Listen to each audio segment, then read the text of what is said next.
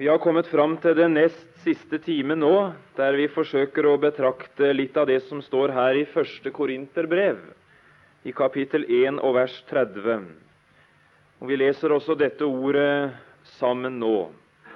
Første Korinterbrev 1, 30.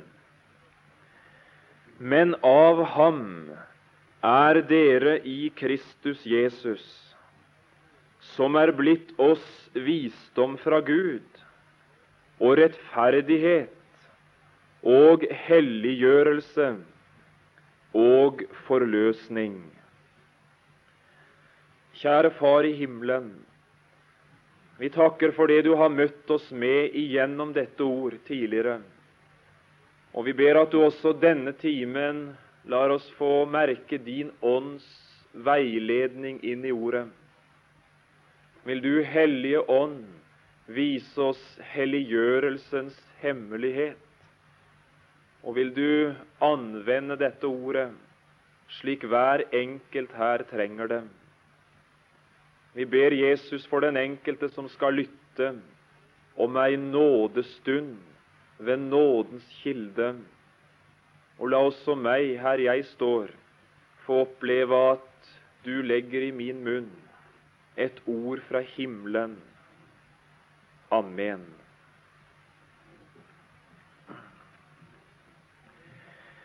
Det som er hovedsaken for oss i denne timen, det er altså dette uttrykket imot slutten av vers 30, nemlig at Kristus har blitt oss til helliggjørelse.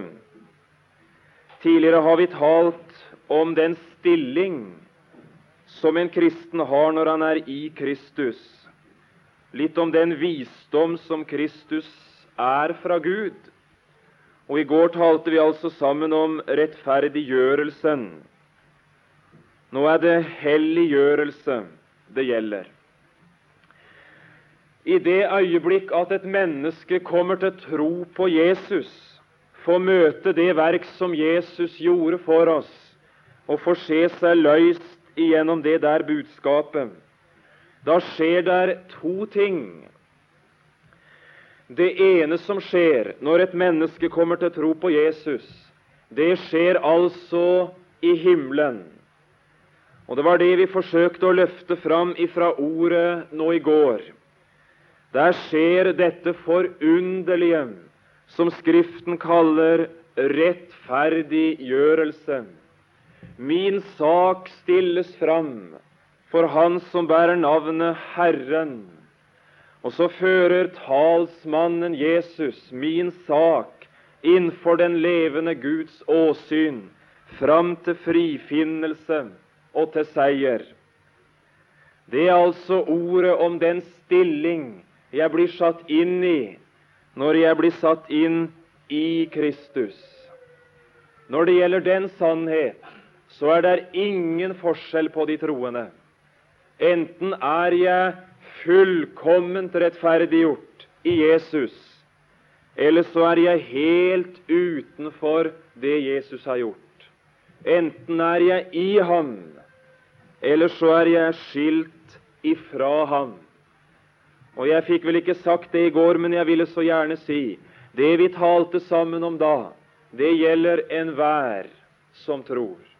Hva enten du har opplevd et kristenliv der du har nådd langt i nåde og kjennskap til Jesus, eller du er av de som famler og plundrer med deg sjøl nesten på barnestadiet. Dette er ditt, hvordan du enn er.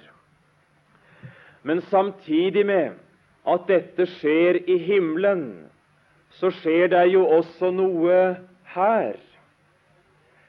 Det er klart det blir stor forandring også i menneskelivet i det øyeblikk at et menneske kommer til tro på Jesus. Hva skjer her? Johannes evangeliet, kapittel 1, vers 12 og 13. Men alle dem som tok imot ham, dem ga han rett til å kalles Guds barn, dem som tror på Hans navn. Og så kommer det og de er født ikke av blod, heller ikke av kjøds vilje, heller ikke av manns vilje, men av Gud. Det som skjedde i ditt indre liv da du kom til tro på Jesus, tok imot ham, det var at det ble født et nytt liv. La meg bare få si det når jeg nå har sitert dette ordet fra Johannes 1,12. Vi leser vel ofte dette ordet som noe av det enkleste vi kjenner til, og leser det på en sånn måte at vi forutsetter Alle forstår jo umiddelbart hva det betyr å ta imot Jesus. Jeg hadde lyst til å gjøre deg oppmerksom på én ting. Der vokser massevis av mennesker opp i dag vi møter de i min situasjon på leirene, f.eks. De har aldri opplevd noe kristent hjem. De har lite av kunnskap om Guds ord og vilje fra skole og ellers. De vet uhyggelig lite. Og når en leser dette ordet for en søkende ungdom alle dem som tok imot ham, Og skal du ikke være så ganske sikker på at han umiddelbart forstår hva det er. Hva gjør et menneske når han tar imot Jesus? Hvordan kan jeg vite det for visst at jeg har tatt imot Han? Hvordan gjør en synder det å ta imot Jesus? Det var jo greit for en Sakkeus da Jesus kom. Han kunne ta imot han, det var jo greit. Det var enkelt for de som vandret sammen med han. Men hvordan tar vi i dag imot Jesus? Hva ville du ha svart? Hvis en ungdom satt der i uvitenhet og spurte ja, hva er det egentlig å ta imot Jesus? Når kan jeg vite at de har tatt imot Han? Kan Bibelen hjelpe oss med det? For min del så har jeg funnet en eneste måte å si det der på. Hvordan tar et menneske imot Jesus? Hvordan åpner et menneske seg for Jesus? ved å åpne seg for det budskapet Bibelen forkynner om Jesus. Og det har jeg altså trang å si. Johannes evangeliet i kapittel 18. Her løfter Jesus fram kjennetegnet på en sann kristen. Det er i samtalen med Pilatus. Johannes 18 og vers 37, helt i slutten.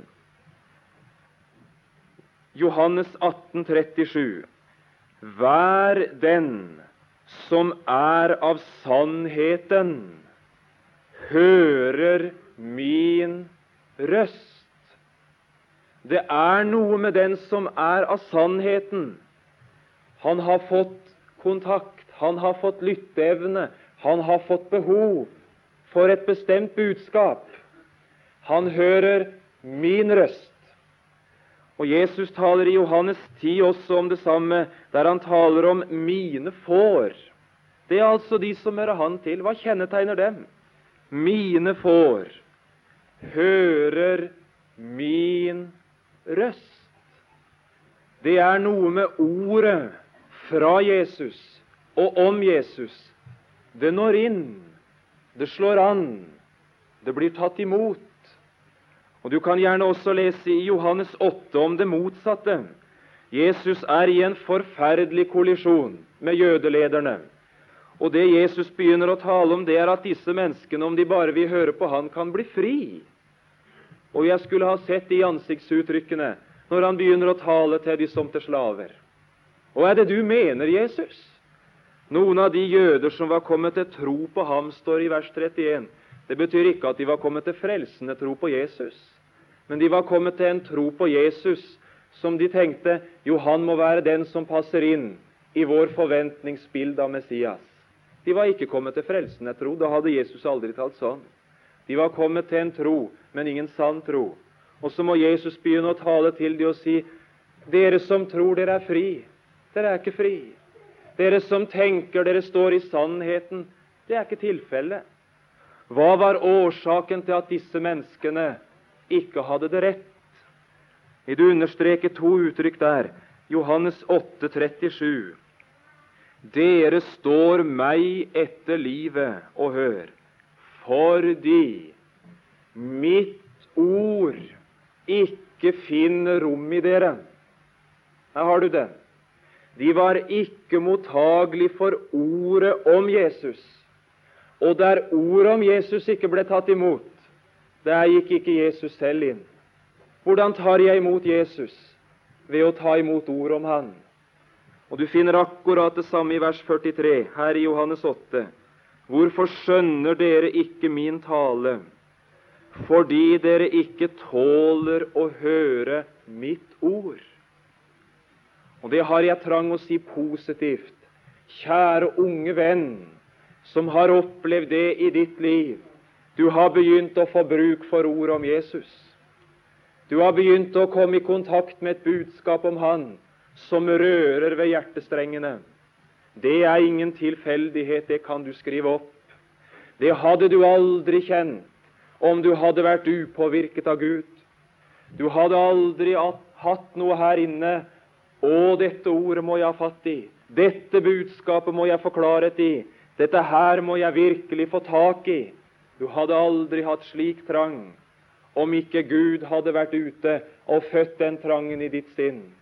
Og jeg ville så gjerne si til deg du kan være viss på at du har tatt imot Jesus, du som har tatt imot ordet om Han, som har åpna deg for budskapet om synderes venn, om Han som gjorde alt til beste for deg. Du har tatt imot det der ordet. Det er mye gærent med deg, syns du, men du har da iallfall ordet om Han, og du trenger det. Jeg har trang å si som Jesus sa det i vers 31 i Johannes 8.: Dersom dere blir i mitt ord Ta nå vare på det der. Og når du tar vare på ordet, så skal ordet ta vare på deg. Dersom dere blir i mitt ord, da er dere i sannhet mine disipler. Og så skal dette ordet begynne å virke, skjønner du. Dere skal kjenne sannheten, og sannheten skal frigjøre dere. Det avgjørende det er ditt forhold til ordet om Jesus. Og Jeg ville gjerne også få spørre om der sitter noen i forsamlingen som ikke er frelst. Og er det du har så mye imot ordet om Jesus for? Og er det ved det ordet som gjør det så vanskelig for deg å ta imot? Det ordet om Jesus, det er jo et ord som bare vil deg vel. Å, om du fikk se hva det ordet inneholdt. Det er ikke budskap om en straffens tyrann som, som ønsker å skyve deg ut i det ytterste mørket. Han ville så gjerne tale et budskap inn i din sjel, der du skulle få oppleve Jeg vet de tanker jeg tenker om dere, sier Herren. Fredstanker jeg tror jeg kan vitne om det. Jeg har ikke møtt noe budskap i verden som jeg har fått slik trang etter som budskap om Jesus. Jeg har intet sted å gå om jeg skal ha noe av trøst, av fred, av glede til min sjel. Jeg har ikke noe sted å gå uten til ord om Jesus. Å, men så har jeg fått gå den veien, og det er ikke engang uten at det ordet evner å gi det en trenger.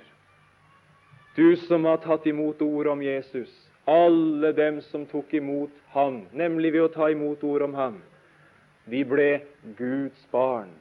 Og så skjedde der en ny fødsel. Der ble født et nytt liv. I himmelen ble du fremstilt i Kristus som en ny skapning. Her i verden ble der født et nytt liv. Født av Gud det var det han talte om Jesus i Johannes 3 til lovlæreren Nikodemus. Det er et uttrykk der, jeg skal ikke gå noe inn på det, men jeg har bare lyst til å understreke et eneste uttrykk. Der læreren kommer til Nikodemus om natten. Om natten det betydde for en jøde en eller annen gang etter klokka seks om ettermiddagen. Så det er ikke sikkert det var midnatt, altså, men om natten en eller annen gang etter klokka seks. Da mørket var kommet, så kommer denne stillfarne, lengtende sjel og så begynner han å gi Jesus anerkjennelse på en måte. Og så kjører Jesus spydet rett inn. Uten at noen blir født på ny, kan han ikke se Guds rike. Det uttrykket som er brukt for 'født på ny', det kan òg oversettes 'født ovenfra'. Uten at noen blir født ovenfra, kan han ikke se Guds rike.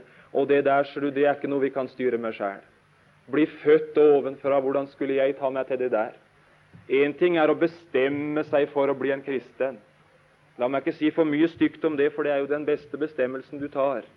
Men vi må aldri tro at en som har bestemt seg for å være en kristen, dermed ganske sikkert er en kristen. Å, men jeg har bomma mye akkurat på det.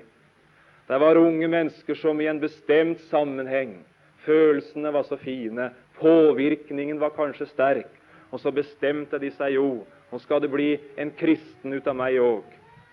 Og så gjorde de en slags bestemmelse. Men evangeliet det hadde de ikke sett. Og så levde de på sin bestemmelse ei tid, og så rakna det. Har sånn trang å si det må et under til. Et åpenbaringens under av ord om Jesus. Og der ordet om Jesus går opp, der skjer der en fødsel ovenfra. Født av Gud. Og så er det en ny skapning. Og det er nettopp det aspektet som ligger til grunn for uttrykket her. Kristus, han er også gitt oss til helliggjørelse. Hva er egentlig ordet 'hellig' for noe? Hva ligger det i det begrepet 'hellig'? Det må vi jo ha fatt i hvis vi skal tale om helliggjørelse. Hvis vi skal gå inn i sjølve ordet, la meg ikke bruke mye tid på det, men bare streke under. Ordet 'hellig', det som ligger i roten av det ordet, som altså utspringer til det begrepet, det betyr noe i retning av å hogge av, eller å hogge bort. Hellig, det å, det å hellige noe, det har altså med å hogge av noe fra én sammenheng og sette det over i noe annet. Hogge det av, hogge det bort så det er skilt fra det gamle og, og lagt over i noe nytt. Hellig, det betyr i åndelig sammenheng tre ting. For det første en adskillelse ifra alt urent. Jeg kan ikke si om noe at det er hellig uten at det fullkomment er skilt ifra alt urent. Hellighetens første kjennetegn, det er skilt fra alt urent. Hellighetens andre kjennetegn, det er utskilt for Gud og fortjeneste for Han. Det er ikke bare utskilt fra noe, men det er utskilt for noe. Tatt ut av den urene sammenheng, skilt fra urenheten og satt inn i en ny sammenheng, utskilt for Gud og for tjeneste for ham. Og det tredje det ligger i begrepet hellig, det er utskilt til Gud. Altså, det er gjort delaktig i det som hører Guds vesen til. Det var hensikten med at noe skulle være hellig. Det var skilt fra det urene, satt over i en ny sammenheng, også for at Guds hellighetsvesen skulle gjennomstrømme dette her. Gjennomstråle det. Det er helliget for Gud og til Gud. Det blir litt teori, det der, men vi får ha litt tørrmat å tygge på òg. Og så finner vi det i Skriften at dette ordet 'hellig' det brukes både om Gud, og det brukes om Guds folk. Da Esaias kom inn i tempelet, Esaias 6 og vers 3, så sier han så så jeg Herren. Å, men så skolv han. Jeg så Herren. Og hva omga denne Herre seg med? Der var noen som ropte trefoldig Hellig, hellig, hellig. Hellig, det er Guds vesen. Det er Herren selv. Begrepet hellig brukes først og fremst om Gud. Og det aner vi på en måte slik vi hørte ordet ved frokostbordet i dag. I det høye og hellige bor jeg. Det gjør Han som er den hellige. Men så brukes det altså også om Guds folk, dette ordet hellig. Du kan gjerne lese 1. Peter i kapittel 1 og vers 15. Der er det uttrykt helt direkte, dette der. 1. Peter 1 og vers 15. Men vær etter den hellige som kalte dere, også dere hellige. Og så knytter Skriften ordet 'hellig' ikke bare til Herren, men til Herrens folk. Og Det er særlig dette siste vi da forsøker å trenge litt inn i nå i sammenhengen her. Jeg sa det at det som skjedde da du kom til tro på Jesus, det var at det skjedde noe i himmelen, og så skjedde det noe i deg.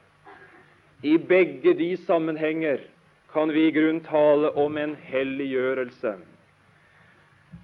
Når det gjelder det som skjedde i himmelen, så har jeg i grunn talt så mye om det at jeg skal bare understreke det. Men la meg få si det sånn det er sant og usvikelig sant om enhver kristen. Du er helliggjort i Jesus. Det er ikke en eneste sjel, om han har møtt Jesus, som ikke er fullkomment helliggjort i Han. Og dette har altså med stillingen din i Kristus å gjøre. Dette her har vi talt mye om, ikke sant? Og det er dette som forundrer en kristen noe så voldsomt. Tenk at dette som er hellighetens kjennetegn, fullstendig skilt fra urenhet, innviet for Gud og til Gud. Tenk at dette gjelder meg. Tenk at jeg er betraktet av den hellige Gud som hellig. Jeg er helliggjort i Ham. Og Det har jeg lyst til å strekke under, for det må vi ikke blande inn i det som har med helliggjørelsen her i verden å gjøre. Da blir det rot helliggjørelse i denne sammenhengen, det er altså for det første det du er i Jesus. Du er helliggjort i Han. Og La oss lese litt bitte grann om det, ikke mye. Men du har forundra deg over noe i Paulus' brev som har forundra også meg. På tre unntak nær, nemlig Galaterbrevet og første og andre Tessalonikerbrev, så kaller Paulus i samtlige menighetsbrev de han skriver til for de hellige. Har du lagt merke til det? Se i Filippebrevet 1 f.eks. Det er et av uttrykkene vi kunne tatt nesten hvem brev som helst. Men la oss ta Filippebrevet 1 og vers 1. Der taler han til de troende i Filippi, og så kaller han de nettopp det. Paulus og Timotius, Kristi Jesu tjenere, til alle de hellige. Hvem skriver Paulus til når han taler sånn? Til kremen av de troende? Til de som hadde opplevd syndfrihet og fullkommenhet og, og var nådd toppen her nede, liksom? Nei, nei. Han skriver til alle de troende i Filippi. Ja, men kan det sies om mennesker i denne syndens verden at de er hellige? Ja visst kan det det. Vi må lese videre. Til alle de hellige i Kristus Jesus. Og det er det som er saken når det gjelder frelsen vår. Vi er framstilt for Gud, hellige i Kristus. Han som heter Herren, og som sa 'Dere skal være hellige lik jeg er hellig'. Han har fått det som han ville det, for jeg er hellig i Kristus. Han har ingenting å utsette på meg. Jeg er til velbehag for Han, ikke i meg selv, men i Kristus. Helliggjørelsen, det gjelder altså for det første min stilling i Kristus. Og der er jeg helliggjort. Jeg blir ikke mer helliggjort i Kristus om jeg kommer hjem. Jeg er fullkomment helliggjort i Han, og der blir ingen forskjell. Og Bernt Stray nevnte i en time her også 1. Peter 2,9.: Dere er ikke skal bli. Dere er et hellig folk. Det gjelder oss her, men det har med stillingen i Kristus å gjøre. Jeg vil ikke bruke noe mer tid akkurat på det, for det er jo det vi har talt om mye tidligere. Men der er også ei side når det gjelder helliggjørelsen, som vi skal bruke litt tid på i denne timen. Det er nemlig at de som er hellige i Kristus, har fått et guddommelig kall til et hellig liv. Det at de som er helliggjort i Sønnen, de skal helliggjøres i verden. Det står et underlig uttrykk i Bibelens siste kapittel. Det skal du understreke, det. Åpenbaringsboka 22. Og Der står det sånn i vers 11 Jeg skal ikke si mye om hele verset, men bare den siste setningen. La den som gjør urett, fremdeles gjøre urett, og den urene fremdeles bli ren og den rettferdige fremdeles gjøre rettferdighet, og den hellige fremdeles bli helliggjort. I Kristus så kan jeg ikke helliggjøres mer enn jeg er. Der er jeg helt som jeg skal være, og det fryder jeg meg over. Men jeg som er framstilt hellig i Kristus, å, men jeg mangler mye på at min tilstand i verden her er slik at den svarer til min stilling i Han. Å, men jeg har ingen frimodighet å si at mitt liv i verden er veldig prega av hellighet. Å, men jeg har langt igjen på helliggjørelsens vei. Stillingen er felles og uforanderlig, men tilstanden Her skjer det ting i verden og dette er viktig, for jeg våger å si det rett ut, at på dette området opplever vi noe av det vanskeligste i vår tid. Det er så mye rot i snakk om det som har med det kristne liv å gjøre. Med helliggjørelse, med fornyelse, med vekst, med dette å nå fra småbarnsstadiet til manns modenhet. Det er så mye rot at får vi ikke sunn veiledning til helliggjørelse, så blir det trelldom. Og vi hører mye trelldomssang i dag. Kristus, han er gitt oss til helliggjørelse, både som stilling i Han for Gud, men også som nøkkelen og hemmeligheten til et hellig liv i denne verden. Og jeg hadde i grunn bare det ønsket for denne timen at jeg kunne gi deg noen små glimt av hemmeligheten når det gjelder hvordan skal jeg finne veien inn i et liv i helliggjørelse her. Hvordan skal jeg leve i det praktiske liv for å stille meg slik at jeg som er hellig i Ham, fremdeles kan bli helliggjort? Det trenger dere unge å få høre litt om, og vi trenger det kanskje alle. Og her er det en ting, nå får vi ta det litt punkt for punkt, helt enkelt. Det kjenner de aller fleste til, men vi må ha understreka det likevel. Du ble ikke fullstendig ny her nede da du kom til tro på Jesus.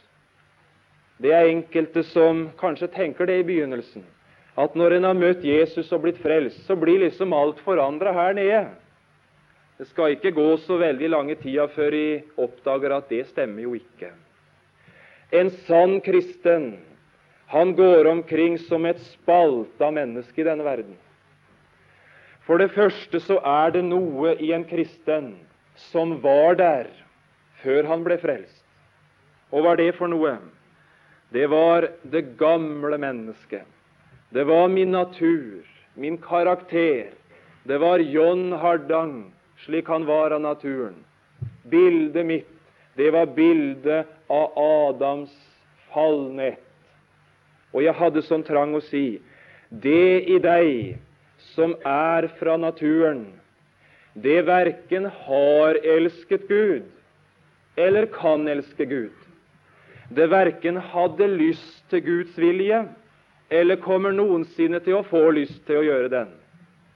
Det som var i deg før du ble frelst, dette gamle, det fikk ingen katolsk medisininnsprøytning av nåde og ble veldig hellig og rettferdig og gudfryktig etter du ble omvendt. Nei, nei. Kjøden, kjødets attrå, er fiendskap mot Gud. For det er ikke Guds lov lydig. Og så kommer det kan heller ikke være det. Det er sannheten om meg, slik jeg er av naturen. Og det er sjelesørgerisk voldsomt viktig å være klar over. Da mister jeg ikke min frelsesvisshet om jeg merker ulyst til å be. Nei, jeg gjør ikke det. Da blir jeg ikke så forskrekka at jeg faller fullstendig om kull hvis jeg kjenner lyst til det gamle. Jeg skal ikke godta den, men jeg blir ikke fullstendig overrumpla det. Jeg vet dette er meg. Og kjære unge venn, du som gjerne vil høre Jesus til, som gjerne vil være en kristen, men som sliter med deg sjøl, og som tenker 'Jeg kan da ikke være en rett kristen, jeg, som har lyst til ting som jeg har', som har begjær boende i meg som ikke jeg tør snakke med noen om. Det er ikke det som avgjør om du er en kristen eller ikke. Og jeg hadde sånn trang å si hver eneste en som er på bibelkurs her, og den frommeste sjel i denne verden, han har en natur som er like vond og like skitten som djevelen selv. Og den blir aldri forandra. Hvis jeg først får se det, så blir jeg også verna ifra og skulle begynne å, å, jobbe med han der Adam i meg. Da, da, da lar jeg han være. For hvis Gud sier han er uforbederlig, ja, så er han uforbederlig. Og hvis han sier han ikke kan gjøre Guds vilje, ja, så skal jeg da ikke bruke energi på å få han til det. Da får jeg heller gi Gud rett og si ja, men hva skal jeg så gjøre? For jeg ønsker jo ikke at det der skal, skal vinne skikkelse i meg. Jeg ønsker da ikke å leve et liv sånn etter kjødet. Jeg ønsker å leve et annet liv. Og så skal han få lov å vise meg noe annet. Du er nemlig ikke bare det som var der fra naturen. Fattige, ufrelste sjel, som ikke er annet enn det som er forgjengelig. Fattige, ufrelste venn, som ikke har mer av liv enn det som kalles død. Da du som en kristen kom til tro på Jesus, så ble der født noe nytt ved siden av det gamle. Det som var umulig for skredderen, husker du, som var maktesløs av stoffet, kjødet, det gjorde Gud i det Han sendte sin sønn. Han gjorde det utenom meg, og da jeg fikk tak i dette utenom meg, så fødtes der et nytt liv.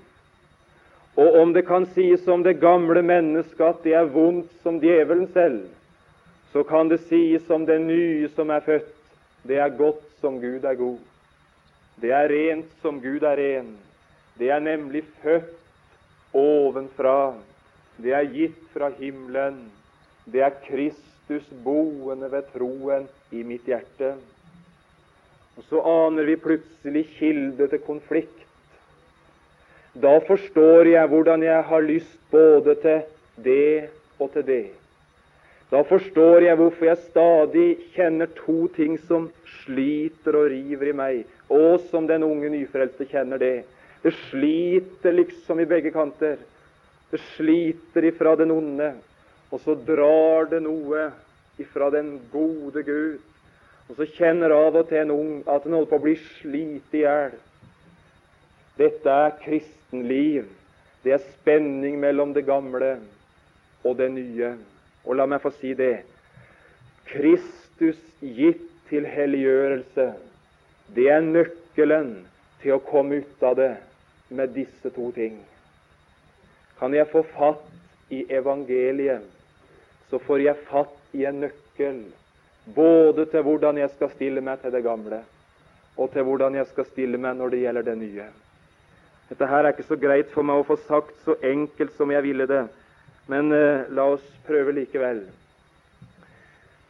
Hvordan kan jeg, som er en levende borgerkrig, hvordan kan jeg vinne fram til et liv som kan ære Faderen, som kan behage den Gud som kjøpte meg sitt blod, med sitt blod til seg?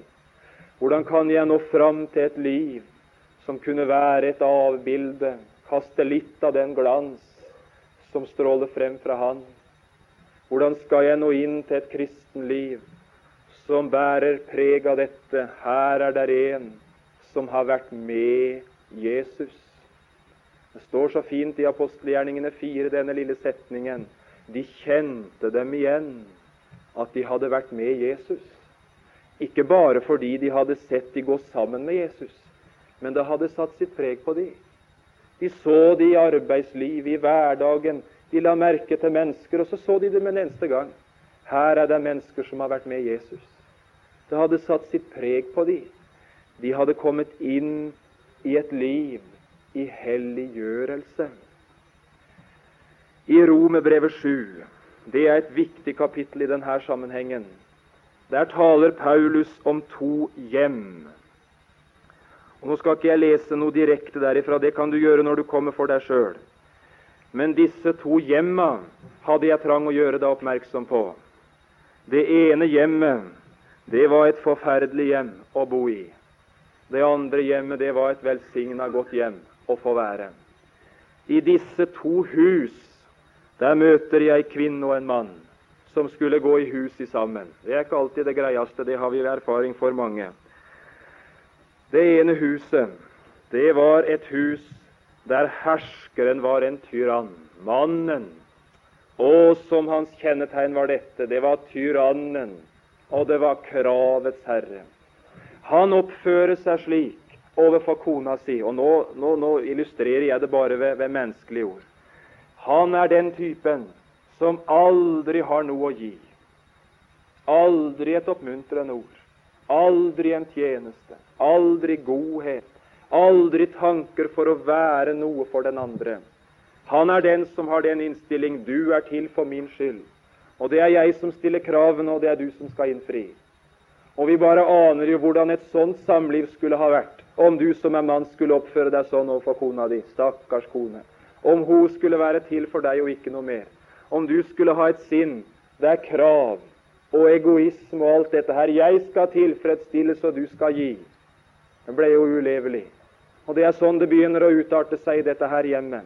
Han krever, og han er av den typen som om han ikke får det som han krever, så kan han godt slå.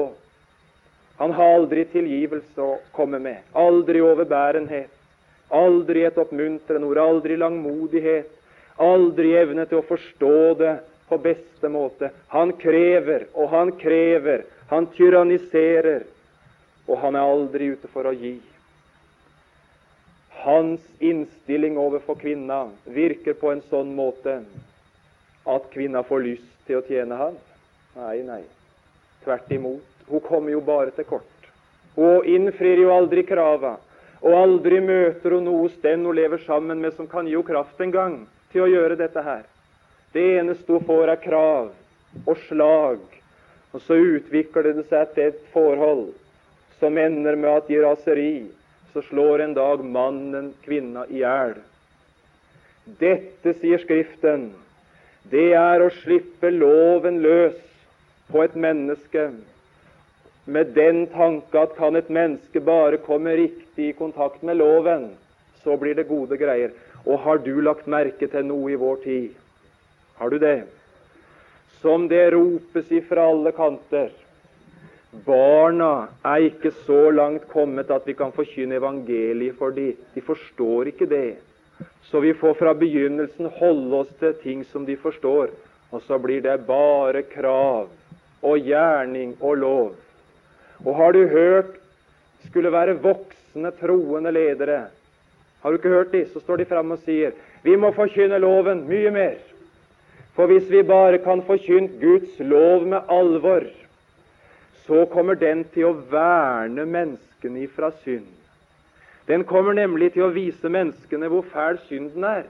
Og så kommer loven til å virke sånn på menneskene da at, at dette her må jeg holde meg vekk ifra.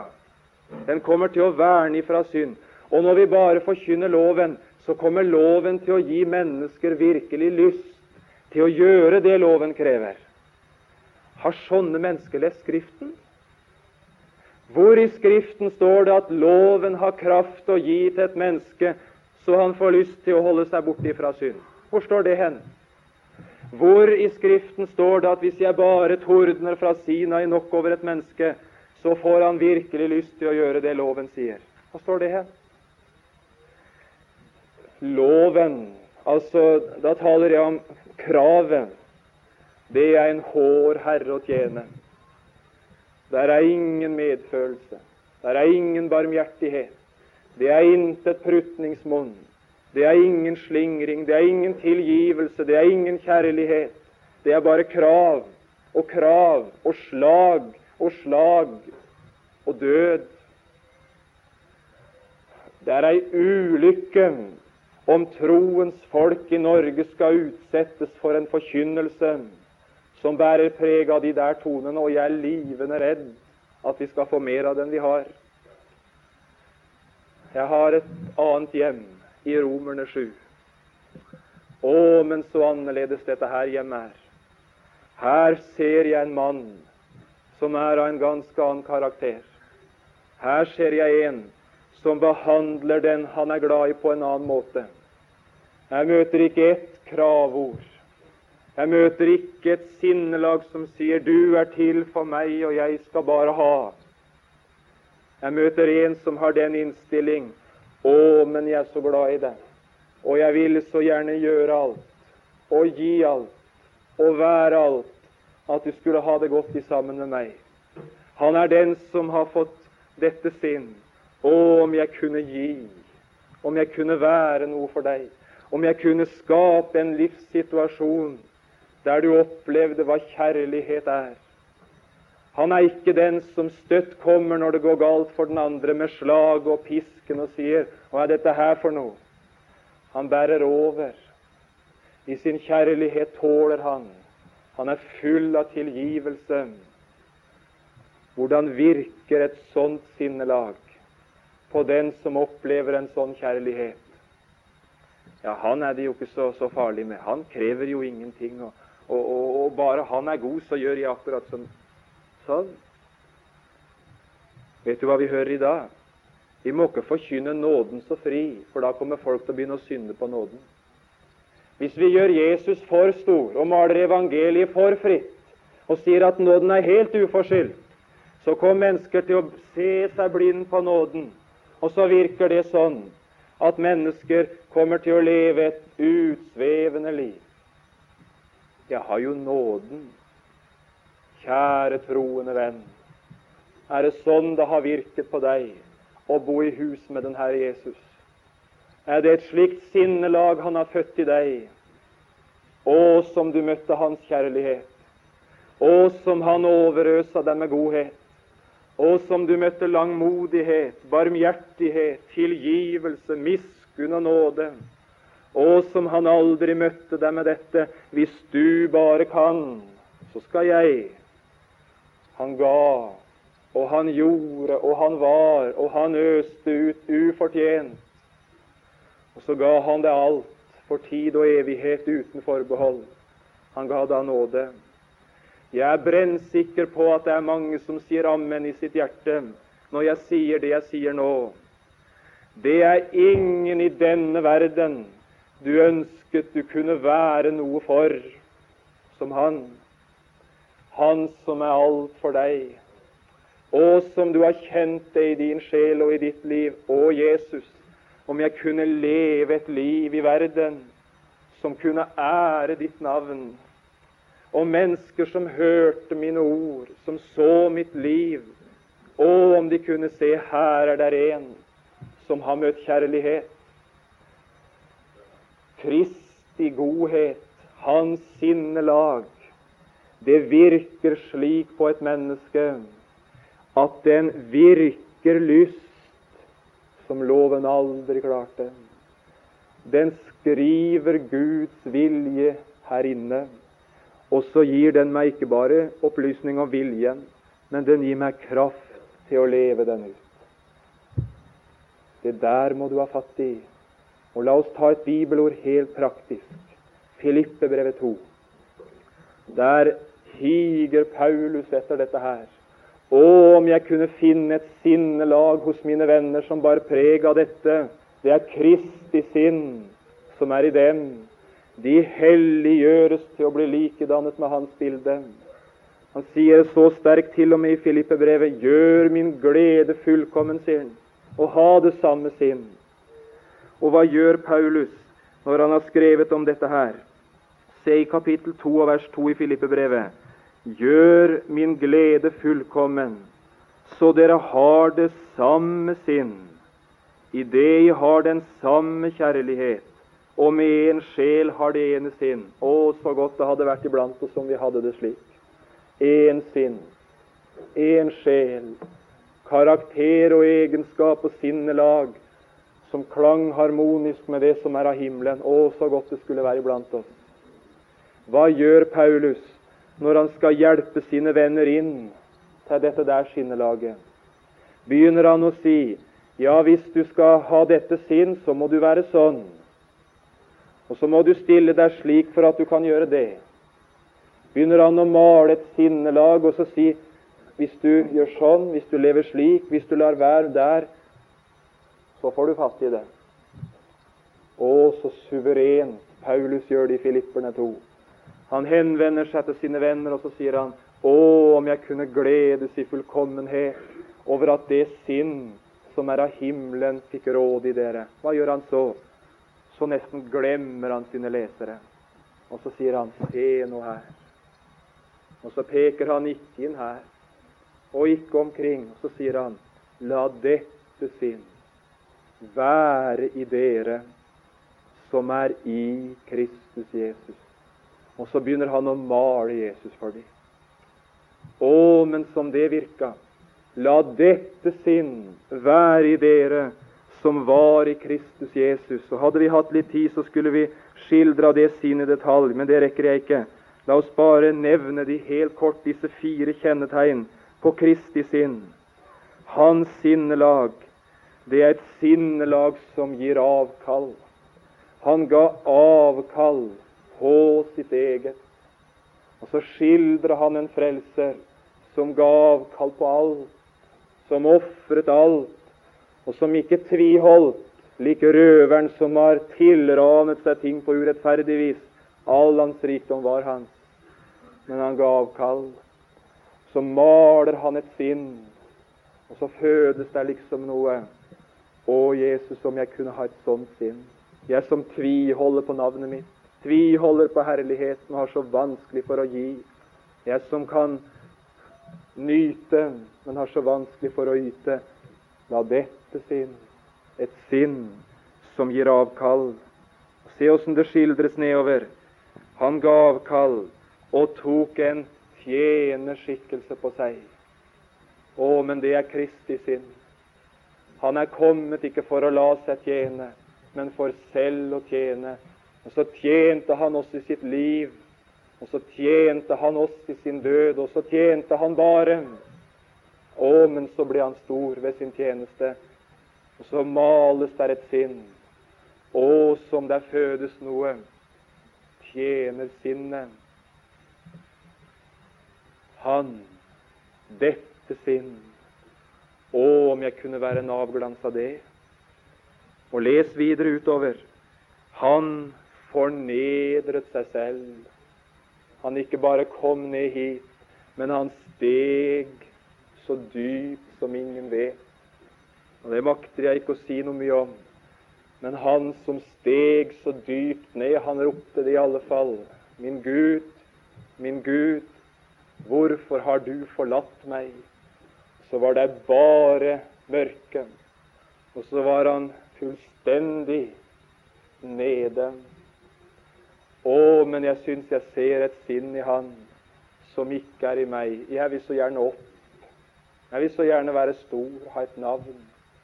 Men jeg tror jeg er ærlig når jeg sier det eneste ganger jeg virkelig har hatt trang og lyst til et annet sinn, det er når jeg har fått hvile i et blikk den der veien. Dette sinn. Å, for et sinn.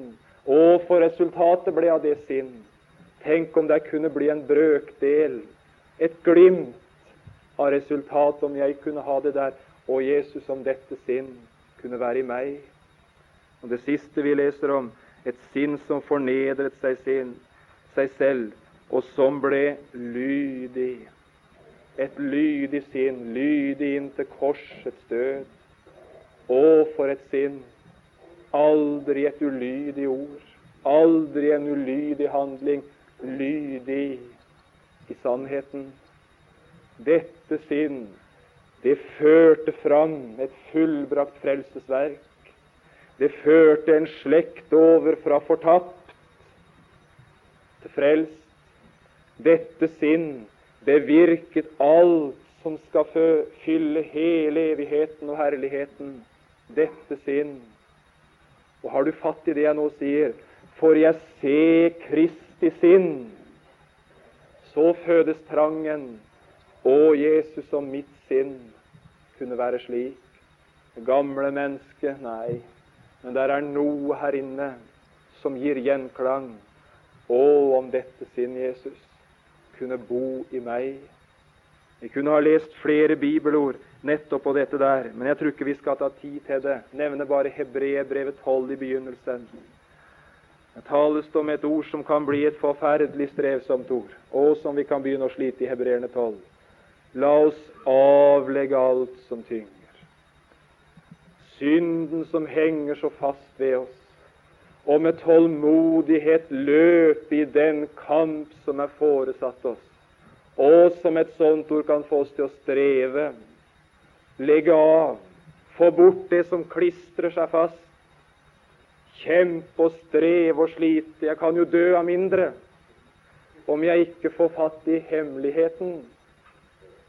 Husker du da du lærte å sykle og kom ned i bakken nedenfor huset? Og så var du ustø. Du hadde jo akkurat lært det der. Og så så du den steinen i bakken der. Og det første du selvfølgelig tenkte på, det var at den steinen må jeg nå ikke kjøre på.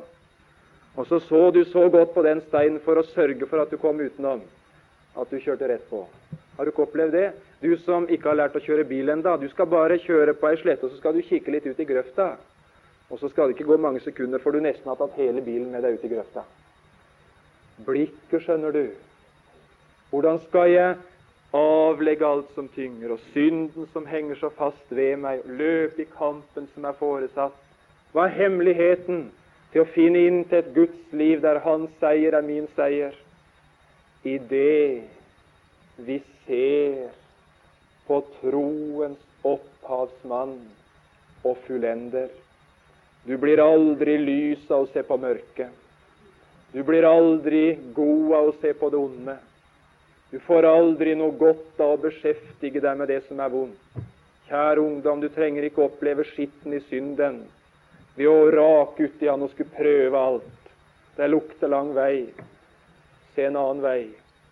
Jeg har aldri sett noe sted hvor synden har blitt meg så heslig som hos Jesus. Han har vist meg hva synd er. Jeg slapp ned i møkkakjelleren, for det lukta jo langt unna. Jeg fikk se en som hadde vært der. Og så så jeg noe hos han som har gitt meg alt annet enn lyst til å ned der. Du trenger ikke ut og prøve synden og prøve livet og prøve ondskapen. Du skal rette ditt blikk et annet sted, til Han som kan fortelle deg alt du trenger å vite, både om godhet og om ondskap. Han har alt som tjener til liv og til Guds frykt. Det er blikket, skjønner du. Det er hva du fyller sinnet med. Det er retningen. Og jeg syns altså Får du fatt i det der, på forunderlig vis så skal det sette et stempel. Og som det blir annerledes i det menneskelivet som har fått se hvem Jesus er. Som har en innstilling og et sinn som stadig mettes med hans åsynsbeskuelse. Og som det begynner å prege et menneske, og som det begynner å forvandle, og som det gir han lyst og trang til det gode. Kristus er gitt deg til helliggjørelse, ikke bare som helliggjort framstilt i Kristus i himmelen, men om jeg rett blir opptatt med evangeliet budskap om Han, setter meg ned i den stille betraktning av hvem Han er, og hva Han har gjort. Å, som det skal bli et nytt sinn. Å, som det skal bli annerledes. Å, som det skal bli stort og rikt og godt. Kristus Vår helliggjørelse. Ja, men er ikke det der for enkelt? Er det der noen resept som du kan gi til alle troende umiddelbart? Det er ikke bare jeg som har opplevd dette her, er det. Og som vi har opplevd at sinnet, det forvandledes når vi fikk feste vårt blikk på Han. Det er resepten. Kristus, han er gitt meg til helliggjørelse. Og Det er det som er saken. Vi kunne ha lest en masse formaningsord om at vi skal avlegge det gamle og ikle oss det nye. At liksom vi er døde med Ham, så skal vi døde det gamle. Liksom vi er oppreist med Ham, så skal vi søke det som er gitt oss ovenfra. Vi kunne ha lest masse. Jeg hadde bare trang å gi deg den ene sannheten som hovedsannhet. Der Kristus, budskap om Han, alt det Han er, alt det Han står for, der det blir noe som får kontakt med sinnet, med hjertet, med livet. Det skal aldri føde et sinn til versliggjøring, til skjødesløshet og til synd på nåden. Et forferdelig uttrykk, forresten. Synde på nåden. Det skal føde et sinn. Å, om jeg kunne være Jesus i mitt liv. Et gjensvar på det du i ditt liv var for meg. Om du kunne gjennomstrømme hele min tilværelse i det jeg ser på deg, og selv helliggjøre din urene tjener.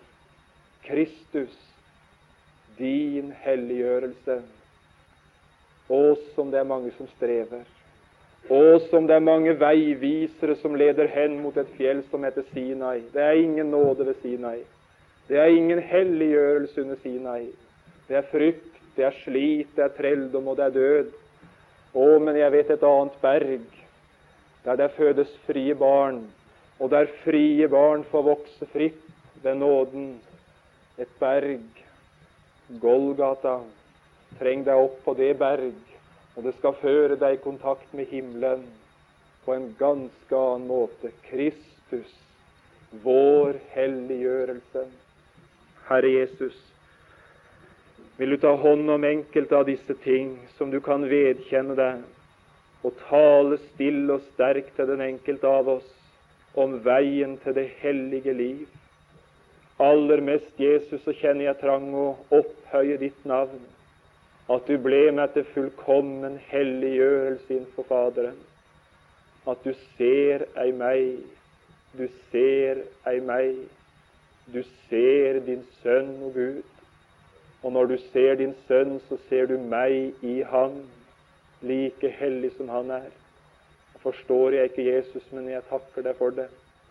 Og så ber jeg om å få se så mye av deg, Jesus, og få et sånt klart blikk på det du har gjort, at det fødes et sinn også i meg som kunne føre til et hellig liv, og som jeg ønska å være ditt navn i verden og som jeg ønska at ufrelste kunne se inn i mitt liv og få en lengt Å, om jeg kunne få fatt i dette her.